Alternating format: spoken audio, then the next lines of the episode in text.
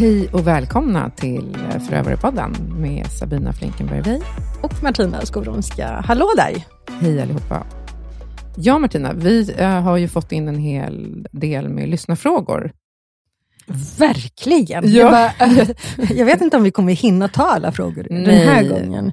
Mm. Men eh, vi vill samtidigt uppmuntra och uppmana alla att skicka in fler frågor, för det här är jätteroligt. Och det är så himla roligt att det har kommit så många frågor. Så tack alla för att ni har skickat in frågor.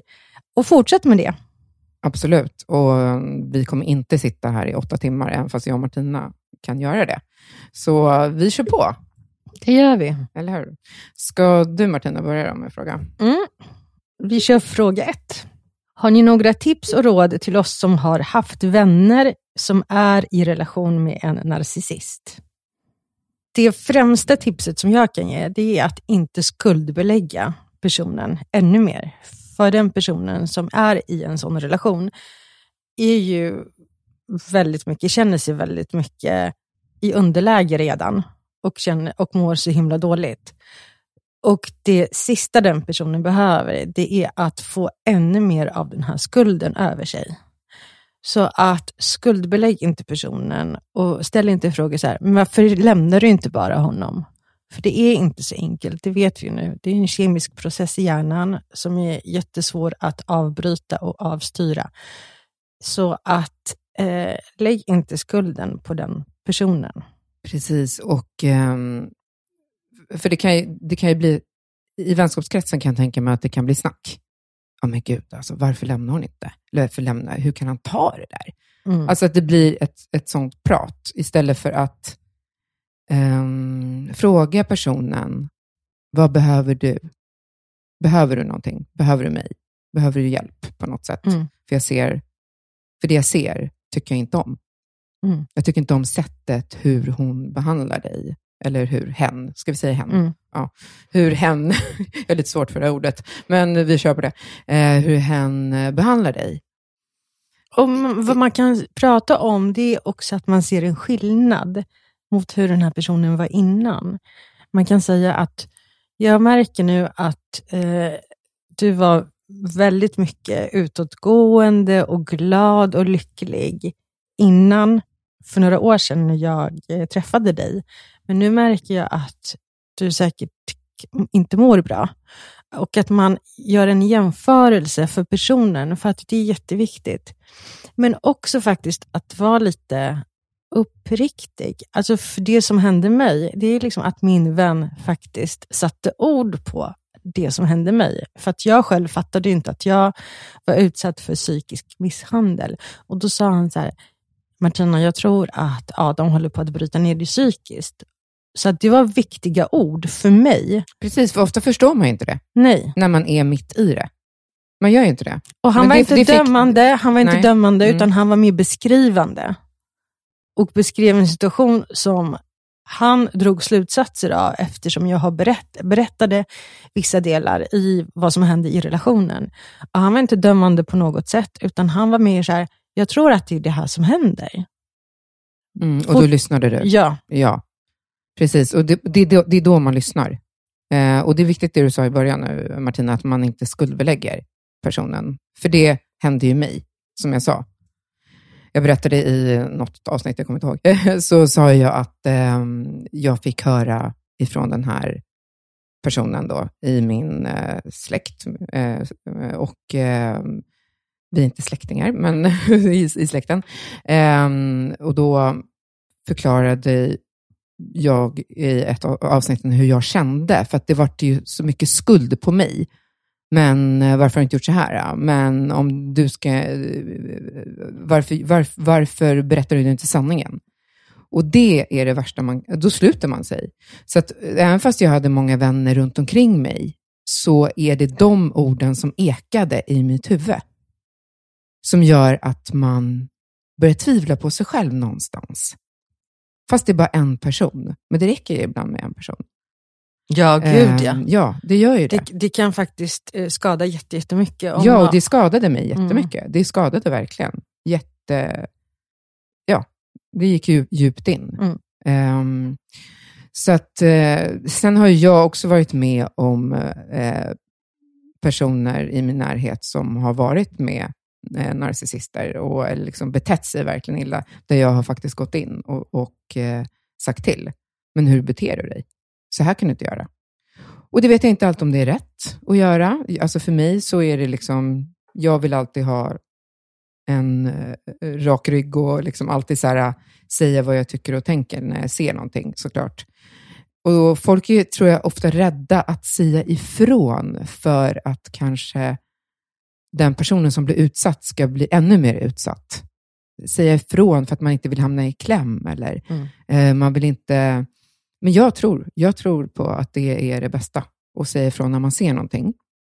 Och sen prata med, med vännen själv såklart. Och som Eva nämnde, att eh, man skulle behöva bli kidnappad av sina vänner.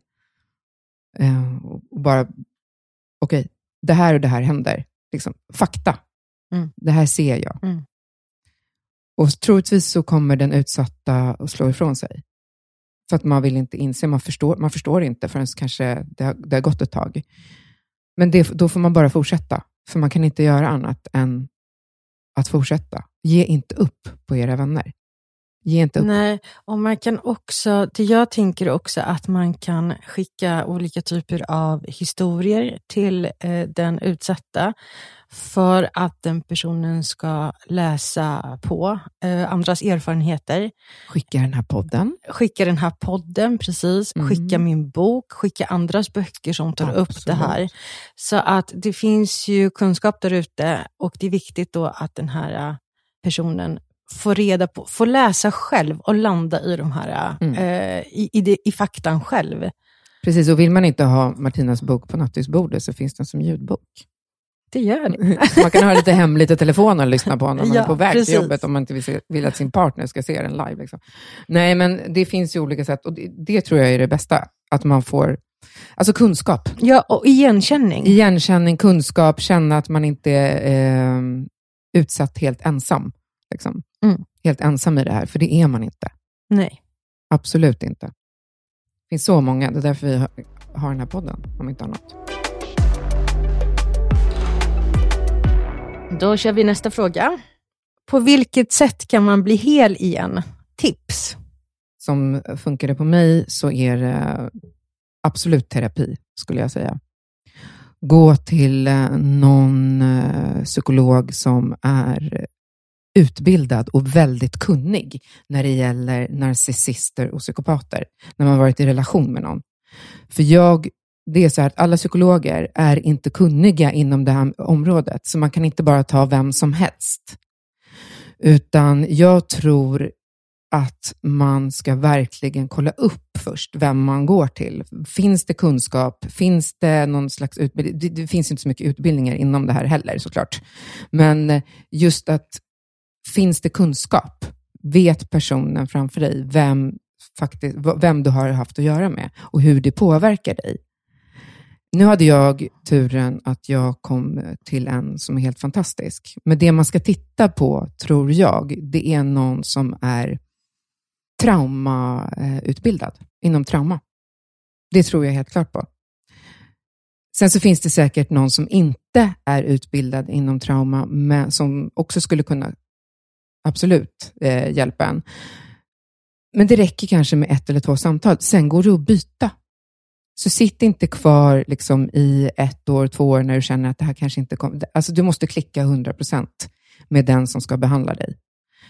Och det, det, är då det också kan börja hända saker inom dig. För att eh, det, är, det, är, eh, det är ett trauma man går igenom som man behöver verkligen läka.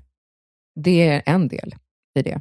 Sen finns det ju, men emellan de här sessionerna som man går i terapi, så behöver man jobba med sig själv på egen hand. Det är jätteviktigt att man gör det och förstår vad det är man gått igenom. Så det är kunskap. Läs på, läs på, läs på. Och sen så kanske du inte ska göra det hur mycket som helst, men däremot så finns det meditationer, guidade meditationer, gå in i vila. Ja, älska sig själv. För troligtvis så gör man inte det och, bör, och förlåta sig själv att det är inte ditt fel, det du har varit med om. Det är inte det. Det är hens fel. Eller hur Martina? Narcissistens Det är fel. narcissistens fel. Det är inte ditt fel. Börja bygga upp det själv. Med vila, med saker som du tycker är, är roligt. Om du känner dig isolerad och instängd, försök tvinga ut dig i alla fall. Och sträck ut en hand till en, till en gammal vän som du inte har pratat med på länge. Skäms inte, förklara varför du inte hört av dig på länge.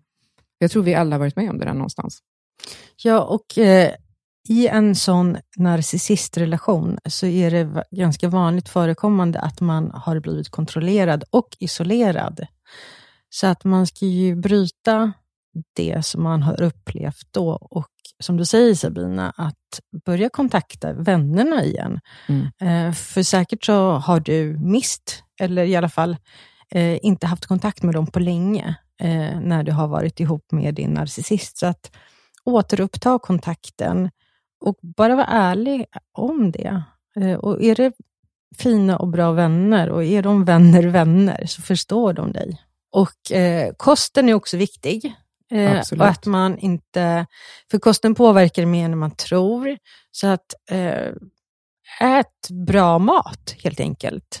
Eh, näringsrik mat, eh, för det kommer hjälpa dig eh, må mycket bättre. Så strunta i socker och skräpmat och såna där konstiga, konstiga maträtter. verkligen. Eh, verkligen. utan ta hand om dig själv i till kropp och själ. Mm. Gå på beauty treatment. Ja. Massage! ja. Alltså det finns hur mycket som helst att göra. Gör Åh, jag saker älskar för dig. massage. Ja, och gör saker för dig som du mår bra av. Duka upp, köp blommor till dig själv. Duka upp fint. Bjud över en män på middag. Äh, män, vad sa jag? Bjud över, bjud över massa män på middag. Men, ja, jo, det kan man också göra. Men jag menar, bjud över en vän på middag. ah, gud. Ja, nej, så... ehm, ja, det, det, är så, det, det är det som har funkat för mig, absolut. Vad gör man som mamma för att skydda sitt barn? Eh, Jag går snart tillbaka på grund av min son, eftersom jag har barn med en narcissist och han påverkar min son för att jag ska komma tillbaka. Oj. Du som är förälder. Ja. Vad man gör som mamma för att skydda sitt barn. Pågår det fysisk misshandel där barnet far illa, så finns det inte under några omständigheter överhuvudtaget att uh, ska gå tillbaka. Då är det liksom bara att gå den vägen, att göra polisanmälan, självklart. Är det så, alltså, det beror på vilken grad eh, den här narcissisten, eh, hur han beter sig. Är det så att det är verkligen skadligt för barnet, Eh, för att vissa kan ju vara otroligt charmiga, roliga, fantastiska föräldrar och bete sig som skit bara mot sin partner. Ehm, de kan ju bete sig som svin på jobbet, men ganska lugna hemma, eller tvärtom. Det finns ju olika sorts narcissister och psykopater.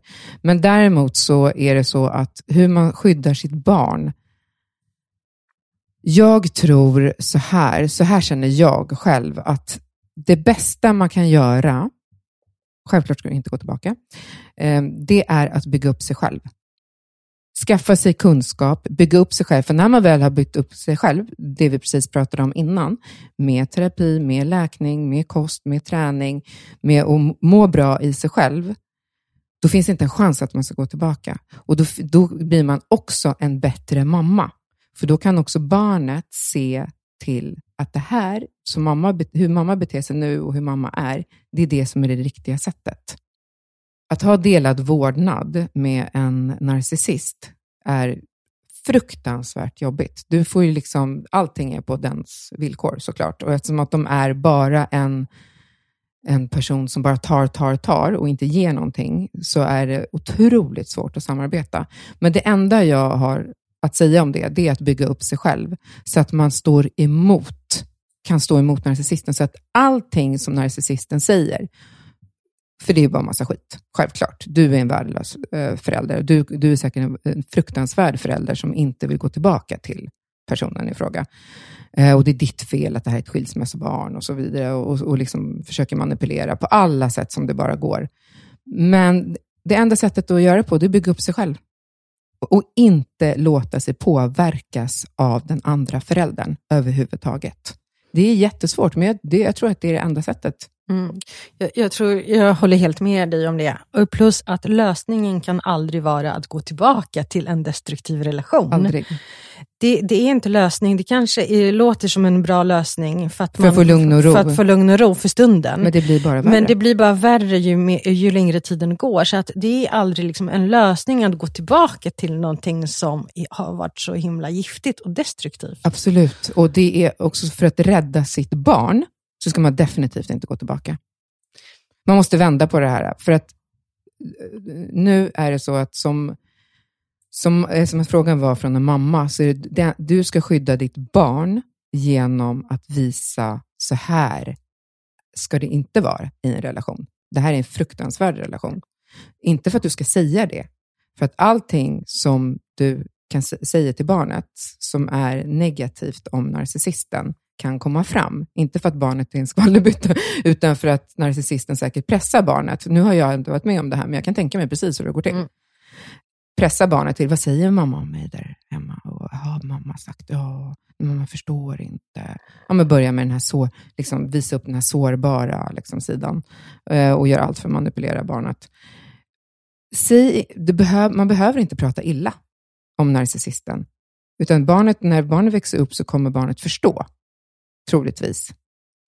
Plus att eh, när barnet växer upp så kan man ha en eh, öppen dialog, för då är barnet mm. så pass vuxet så att det förstår och sen kan pussla ihop själv.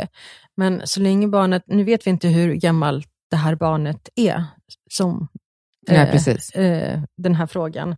Mamma, mamman som ställde frågan där. Eh, men, eh, men jag tänker också att eh, det är bra med dialog såklart, men barnet behöver ju ha några år på nacken, så att säga.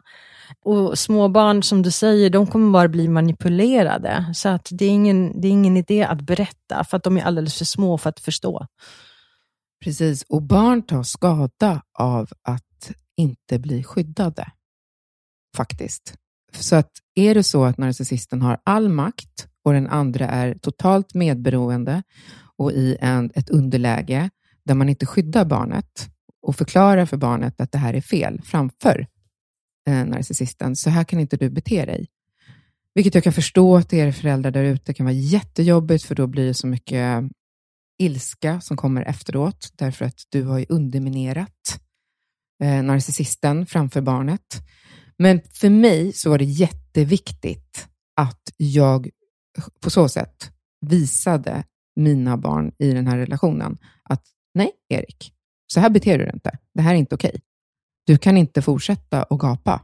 Liksom, du ser ju att de blir ledsna och oroliga. Och varför gör du så här? Det här är inte okej. Det här är ett felbeteende och så vidare. och så vidare. Då lär du barnet automatiskt vad som är rätt och vad som är fel. Precis, när de ser hur du beter dig som mamma. Ja. Nu kommer ju frågan från en mamma, men det är också pappa om narcissisten ja. är en kvinna. Ja. Har du haft ett aha moment i din läkning? Som en del i att du kunde släppa ältandet? Någonting som gjorde då att du bara fick någon sådär uppenbarelse? Jag skulle säga återigen det här med kunskap. Ja. Det var ju en lättnad för mig när jag fattade eh, vad som faktiskt, vad det här var, jag var med om vem han var och vad jag blev utsatt för. Så det var eh, en så stor aha-upplevelse för mig. Jag tror att lyssna på den här podden är en aha-upplevelse för våra ja, lyssnare. såklart! Bra, det är det vi har hört. Så skicka podden, skicka runt podden nu till alla ni känner. Dela, dela, dela. Ja, precis. Du känner säkert narcissist, lyssna på den här podden. Bara, Nej, det gör jag inte. Jo, jo, jo, jo. på bara, på bara. Tryck in den här podden bara. Så, Nej, men eh, det är det vi har fått höra, mycket feedback i alla fall, aha-upplevelser. Det får vi liksom, nej men, lite då och då, verkligen på, som meddelande. Men eh, det är samma för mig. Det är samma för mig, verkligen. När jag läste på, när jag lyssnade på andra berätta, så det är bara aha-upplevelser hela tiden. Jaha, men gud, de är likadana. De tror att de är så unika och speciella och eh, även fast de är så sårbara och covert narcissists så är de ju grandiosa i huvudet. Ja. Så att de, de tror att de är så speciella och Guds gåva till kvinnan Mm, eller liksom mm. Guds gåva till männen. De tror ju att de är så unika och fantastiska, men det är ju bara samma skit. Mm. Det är ju det, Mm. praktiskt taget. De, är, det går ju liksom att sk- skriva ner på ett A4. Men Så här du- är alla. Det här Ja. har alla, alla. Och det är samma liksom, tillvägagångssätt. Ja, det är exakt samma. Vet du, vet du vad som hände alltså- mig ja. Efter att jag släppt boken? Nej. Det har ju varit massvis med människor som har kontaktat mig och frågat, är det här min kille du beskriver? Är det här min kille du har varit ihop med? Och skickade bilder på sina egna killar för att jag skulle vara, är det här min kille? ja. Vilket är sjukt, för att det är precis exakt samma. Och så många sådana typer av meddelanden jag har fått. Det är helt otroligt. Så att det är ju så, eh, exakt så som du säger, att de beter sig på exakt samma sätt. Det är därför det egentligen är så lätt att genomskåda dem. Men man behöver ha kunskap om det. Det är det. Exakt. Man behöver kunskap. Men gud vad, vad roligt. Eller inte roligt, nej det är inte roligt alls. Ehm, att de har skickat bilder menar jag. Men jag förstår det. Mm. Därför att den tanken har slagit mig också. Undrar hur många där ute som har varit eller Mm. är tillsammans med Erik och Adam Mm. som lyssnar nu. Mm. Så är det ju. Eh, när lämnar förövaren mig i fred? Då har ändå förövaren blivit dömd och fortsätter med våld.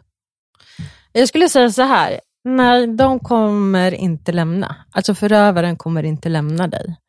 Eh, det kan vara så att man gör ett break, man, eh, man försvinner ett tag. Eh, och det här ett tag kan vara För att de är fokuserade på, en, På någon no- annan, Ja, på fler offer, Precis. andra offer. Eh, och Det här kan handla om några dagar, några veckor, några månader, några år.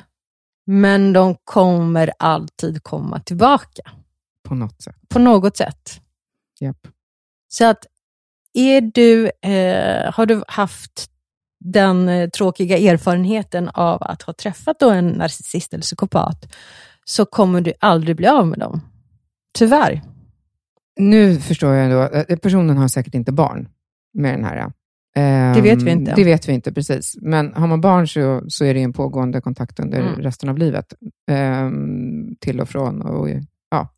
Men är det så att man inte har barn, alltså, det enda sättet är ju blocka. Blocka. Alltså bara ta bort personen helt och hållet. Och de hittar ju alltid sätt att kontakta, men svara inte. Svara inte för guds skull, gör inte det. Det är bara att, att ignorera. Och även om man svarar så här, hör inte av dig mer, så ger Då är det ett svar. De, då är det ett svar, exakt. För de går, då går de igång på det och de triggas igång och de tycker så här, ah, men... Nu fick jag hon uppmärksamhet. Nu, ja, exakt. Hon skrev de här orden till mig. Ja, Han det, skrev, ja, titta. så det är väldigt, de tolkar Ja. det på ett positivt sätt, Mm. även fast du är jättenegativ i ditt mejl och eh, bara skäller ut dem och är jätteotrevlig, så uppfattar ju de det på ett positivt sätt, att du ger dem uppmärksamhet. Vad bör man tänka på att observera avseende de röda flaggorna för att slippa ha att göra med giftiga människor? En varningsflagga är också det som Eva Russ var inne på, att personerna inte är flexibla. De är inte flexibla i sitt tänk, utan de ska ha det på sitt eget sätt. Och får de inte det, så blir de ju förbannade. Det, det är det precis som du Mm. beskriver här. Precis, och eh, de kan bli lite sura. Ja, Mm. så att är de väldigt, eh, har de svårt Mm. att eh, Bara flexibla. vara flexibla och anpassa sig och vara i stunden och förstå situationen och förstå dig som människa, så, så är det en röd varningsflagga. Och fråga frågor. Fråga frågor. Och, och, och låt dem berätta. För de är inte så himla bra på att prata. De, de kan inte prata om känslor. Nej. De kan fejkprata om känslor och där känner du skillnaden. Mm. Som att du är frisk och de är sjuka. Mm. Så du som frisk person förstår ju att det är något som inte stämmer, när de inte riktigt kan, kan förklara hur det känns, eller vad som hände, eller om sin barndom, eller och så vidare. När de vill byta bara... samtalsämne oh, och slingrar sig. Ja. Det är också väldigt vanligt. Det är en varningsflagga. Det är en varningsflagga när de slingrar sig. Och då har de självklart någonting, ah, men det var svårt att prata om, det är så jobbigt och den här relationen var så fruktansvärd. Vad var det som var jobbigt? Ja, nej men, alltså, och så kommer de med en massa blaj. nej men där, alltså, våga ställa frågor. Mm. Våga vara nyfiken. Mm. Låt dem inte bara vara nyfikna på dig. Mm. Att de ställer dig tusen frågor och du känner dig så bara, åh gud, jag blir uppmärksammad, jag får berätta mitt livs historia. Alltså det är som att sitta liksom, eh, i en intervju på eh, bästa kanalen, bästa sändningstid. Nej, it's not that. Alltså det är inte, det är inte så, det är inte rätt. Du ska också kunna ställa frågor och få svar. Få svar på de frågorna. Ja, och du ska vara nöjd med, du ska, vara liksom, du ska känna dig att du är nöjd med det svaret. För svarar de på ett sätt där du fortfarande är undrande och nyfiken, då är det inte rätt svar. Då vill du ju veta mer. Så du ställ följdfrågor och fråga på bara. Och jag är ju som en eh, liksom, eh, förhörsledare i polisen, så jag kan ställa mycket frågor. Men det han gjorde med mig, och faktiskt lyckades med, det är att han då förklarade hur, som att han är den här sårbara, och det är så synd om honom, eh, att han förklarade hur illa behandlad han hade blivit i de här två relationerna. Och det var ju så fruktansvärt, för att han är så himla snäll och gullig. Ja, jag blev lurad. Yes, jag erkänner. Ja, så många, inte bara du, ja. men många av oss. Eh, för ja, det är den bilden det, de lägger det, fram. Det är alltid den bilden som de lägger fram. Mm. Det är alltid den bilden som mm. man lägger fram. Så att jag var ju lite försiktigare att fråga om de sakerna, men däremot så kunde jag liksom fråga om vad då? det här och det här och förklara det här. Liksom. Ja, och då, ja, då berättade han ju liksom, ja, att det kanske inte var så lätt då när han växte upp, men sen så kunde han ju ändra sig, det, ändra, ändra sig senare. Liksom. Då, förstod, då, då fattar man ingenting. Då blir man ju, när man blir förvirrad, det ska man ta som ett, ett, ett varningstecken. Ja, ja, när man blir förvirrad. Precis det. Skriver ni ner nu alla lyssnare? och en annan sak apropå frågor. Eh, ställ öppna frågor. Ställ inte så ja nej-frågor där de kan svara ja eller nej på, utan ställ frågor som är typ att de får utveckla sitt svar. Och, det, och För där ser man väldigt tydligt. Alltså ställer du bara en ja eller nej-fråga, att de kan svara ja eller nej på det, så, så blir det ju väldigt enkelt för dem att avfärda eh, det. Så ja, tänk på det. Ja, och nu kommer jag på en annan grej. När man har ställt en fråga, var tyst. Lägg inte orden i munnen på personen. För här kan vi som har varit med dem, som är ja, på ett sätt då medberoende, vilja hjälpa dem att klämma fram vad det egentligen handlar om. ja. Eller hur? Ja. Ja, gör inte det. Våga vara tyst. Lyssna, observera och bara låt dem prata själva. Gärna sätt på den här uh, inspelningsknappen på telefonen också. no, det ska vi inte börja med. Jo, jo, varför var inte? Inte det första var Ja, men varför okay, inte? Okay. Nu kommer alla gå bananas här. Ja, nu har vi den här inspelningen igen. Så verkligen så här, uh, undercover cup. Hur hanterar man lögner? Hur vet man att de ljuger och vet de att de ljuger? Bra fråga. Mm. Jag skulle säga att eh, där får ju tiden utvisa lite. Det är jättesvårt det här med lögner och veta vad som är sanning och vad som inte är det. Men är det så här att eh, det pratas, pratas och det är bara en massa ord fly som flyger runt och inga handlingar som backar upp det här, då är det ju lögner. Då har den här personen bara snackat, men sen så finns det ju ingen handling som står, som man liksom, som står bakom det här.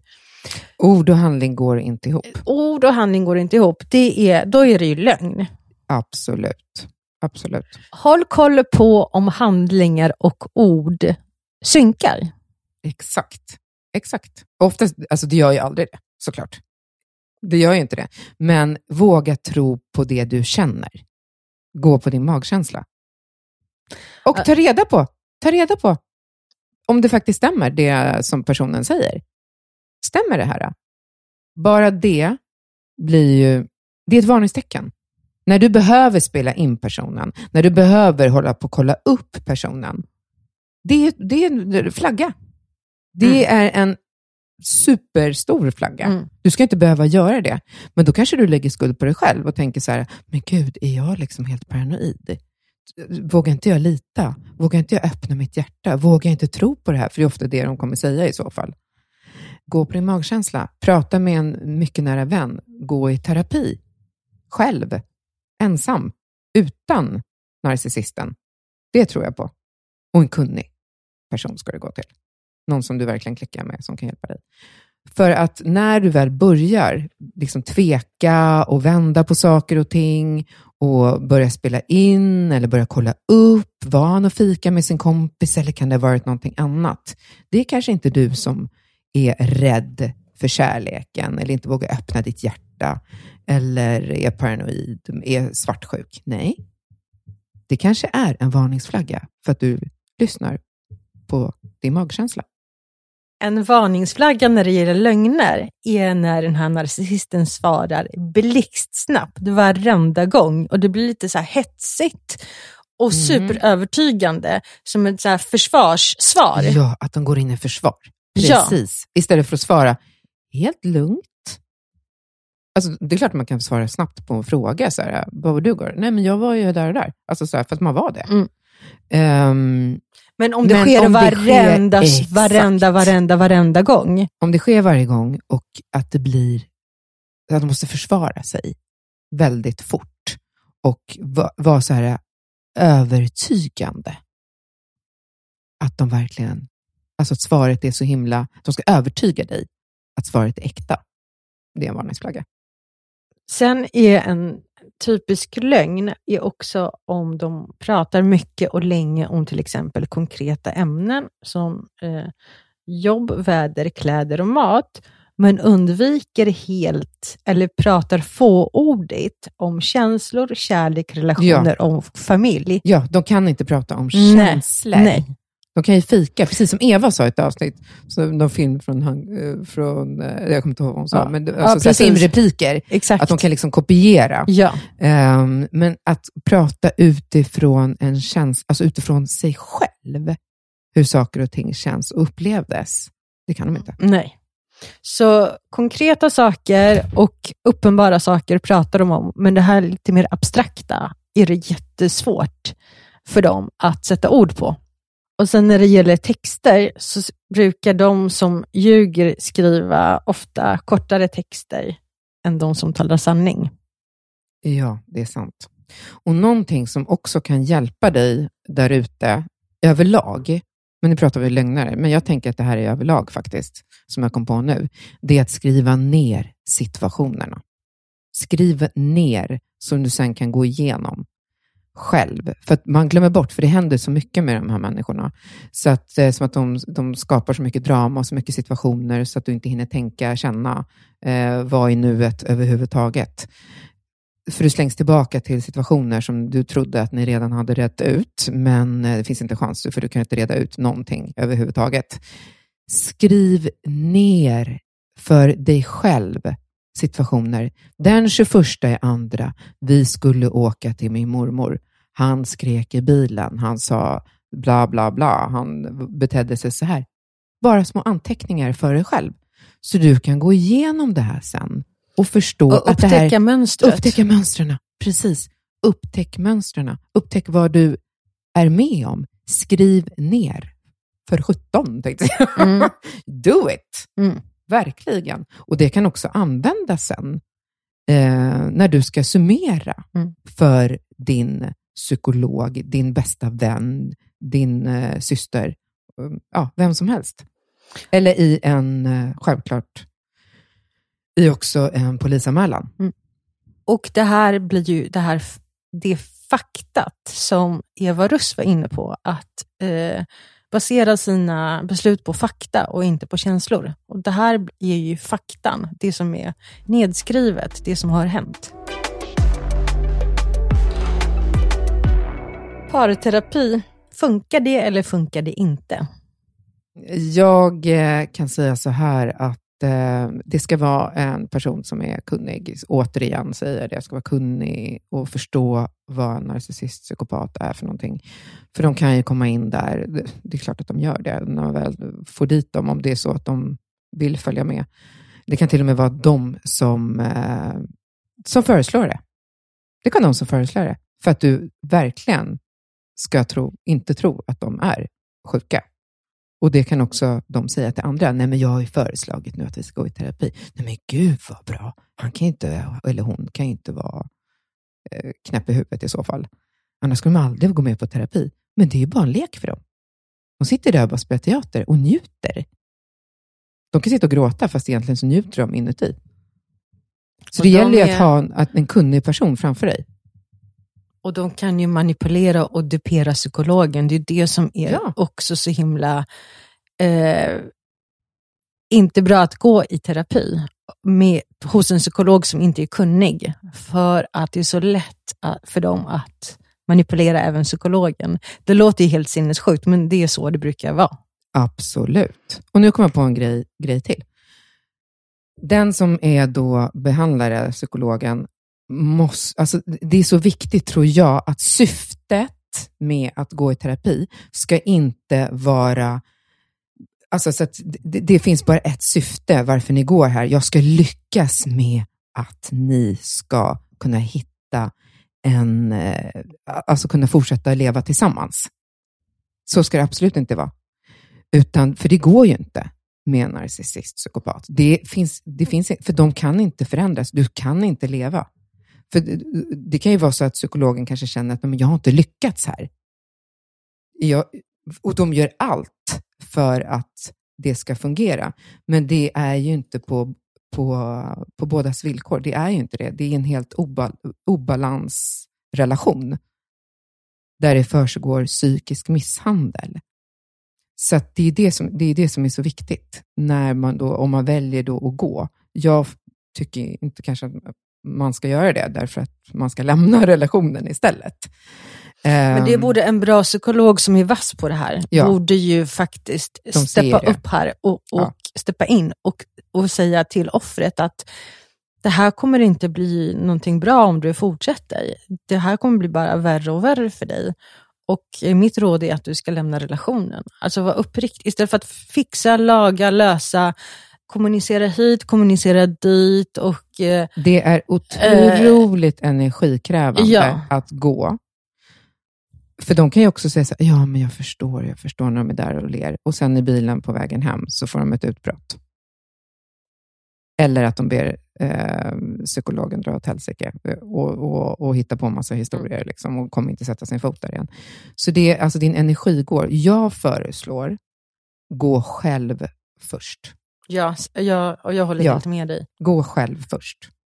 Och där kan du få höra dina egna ord i ett tryggt rum där du inte blir dömd. Och Känner du att du klickar med psykologen, fortsätt gå och att, för, att psykologen förstår eh, precis vad det handlar om. Att det här är inget, att det här är inget vanligt relationsproblem. Det är, inte det, vi, mm. det är inte det det handlar om. Vet du, jag blir ibland provocerad av när jag läser såna insändare i tidningar, eh, där eh, någon av parterna, som är så uppenbart att det handlar om psykisk misshandel, och att personen ja. som man skriver om är en narcissist eller psykopat, eh, och misshandlar den här personen, eh, även kanske fysiskt, så, så är då den här tidningspsykologens råd att jobba på relationen, kommunicera med varandra, förstå varandra, gå i parterapi. Alltså, du vet, alltså för mig... Det finns alltså ingenting att jobba alltså på. Jag, jag känner bara att jag blir så illamående. Jag ja, får nästan, jag har också läst massor med eh, jag, jag, alltså För mig, som har var, varit i den situationen, som har varit utsatt, hade jag fått ett sånt råd av en psykolog i en känd tidning, och då inte fattat vid den tidpunkten, då hade jag ju stannat kvar i den här relationen och fortsatt vara utsatt för psykisk misshandel. För det är det här rådet jag har fått av den här psykologen. Och det är helt vansinnigt. Jag tycker att psykologer överlag borde vara eh, lite mer bättre på att upptäcka. Eh, och Det här var så tydligt för mig att den här personen utsattes för psykisk misshandel och om jag kan se det så borde den här psykologen, som ändå är en psykolog, även kunna läsa in det eh, i, absolut, och absolut. ge ett relevant svar, vilket den här personen då inte gjorde. Och Det här provocerar mig jättemycket. Mm. Mig också, verkligen. Så att jag föreslår då, för att gå tillbaka till frågan, att gå i terapi själv. Gå i egen terapi. Och där kan du få höra. Och där kan du eh, Eh, där, där betyder dina känslor, dina ord och dina tankar är värdefulla. Allting du upplever är sant. Så en psykolog ska kunna spegla det till dig och kunna liksom förstå vad du är utsatt för och där kan du också förstå att ja, vi kanske inte ska gå i parterapi. För att den här personen kommer aldrig ändra sig. Det finns ingen hjälp att få. Nej, det gör inte det. Har ni kommit vidare med nya relationer i en av frågorna? Så vad säger du Martina? Hur många dejtar du samtidigt nu? inte så många. Eh, jag, har, jag har faktiskt eh, försökt mig på eh, dejtande, men det gick sådär. Eh, jag är inte riktigt redo än att, att dejta. Men jag tycker samtidigt inte att man ska vara rädd för att gå vidare. Nej, för du går ju vidare med kunskap och lärdom. Men jag måste faktiskt ärligt mm. säga det att jag har inte haft tid eh, för en ny man. Mm. Det har varit så mycket med min bok. Jag mm. har eh, fått ett nytt jobb. Alltså det har varit så mycket. Doris. Och Doris, min hundvalp. Så att det har varit så full rulle. Jag har inte haft den tiden, faktiskt, om jag ska vara ärlig. Men jag måste också säga, det, det, en rolig grej som hände, det var att eh, jag var med i Framgångspodden. Så eh, programledaren där, Alexander Pärleros, han ställde ju en fråga, så här, eh, han sa någonting så här, om du är singel så kan du, men de som vill kan kontakta dig, vilket faktiskt några gjorde sen efter det Gjorde avsnitt. han det? Ja. Gud vad han är rolig. Eh, och, eh, så jag fick några eh, förslag. Okej, eh, Martina är singel. Hon, hon, är skitsnygg. Hon... Hur gammal är du? Hur gammal är du? Just det. Det får, det får de googla. Ja, precis, googla. Vi är, vi är lika gamla du och jag. Ja, vi är lika gamla. Ja, vi är gamla tanter. nej, det är vi inte. Yes, och själv då? Hur... Eh, jag eh, sa så här senast idag. Kommer du ihåg idag när jag messade dig? Ja, eh, just ja, det. Det var så kul. Kan inte, du, pra- nej, kan inte du säga det? Nej, jo, jag kan inte jo. allting. Men däremot så, eh, så sa jag till en person, nej, nej, nej, jag är inte där överhuvudtaget just nu, men du, eh, lyssna på Förövarepodden. Hej då! Förövarepodden, Förövarepodden. Eh, så eh, jag, ja, jag eh, passar på den frågan, om man säger så. Jag tror inte att eh, man ska vara rädd. Nej. Absolut inte. Jag är, jag är som person, som, ni som har lyssnat på och ni som känner mig vet att det är bara upp på hästryggen igen när du har ramlat ner. Ja, och vi ska också säga, för att inge lite hopp, ja. det, alla är ju inte narcissister. Nu låter det, om man bara lyssnar på vår podd och på oss, att alla alla är narcissister. Alla är narcissister men det är, alltså, de flesta är faktiskt inte narcissister. Nej, det finns eh, fina och bra människor där ute. Några stycken. Och det, finns, det finns hopp. Det är det ja. vi försöker förmedla här. Ja. Det finns hopp och det finns eh, bra eh, män där ute. Ja, och kvinnor. Eh, och kvinnor. Ja, självklart. och eh, vi hoppas att vi får, eh, får träffa en sån person i våra liv. Ja, men som sagt, jag tror att Eh, man ska inte vara rädd, man har mycket mer erfarenhet, man ska ta det lugnt, titta på de röda flaggorna och ja, vi kommer att prata mer om det. Helt ja, klart. Det, det kommer vi. säkert vara återkommande. Jag tror att eh, vi avslutar här. Mm, det gör vi. Tack för att du Bra, lyssnade. Tack, och eh, som alltid så uppmanar vi eh, dig som lyssnar att följa oss på Instagram, Förövarepodden, Facebook, Förövarepodden. Maila oss på info.förövare.se. Och det finns även möjlighet att stötta oss ekonomiskt. Eh, vi finns på Patreon, eh, slash Förövarepodden. Om du känner att du gillar den här podden och vill bidra med en slant så är vi super, super tacksamma för det. Ha det så bra så ses Ha det vi bra. nästa gång. Vi ses. hej! hej.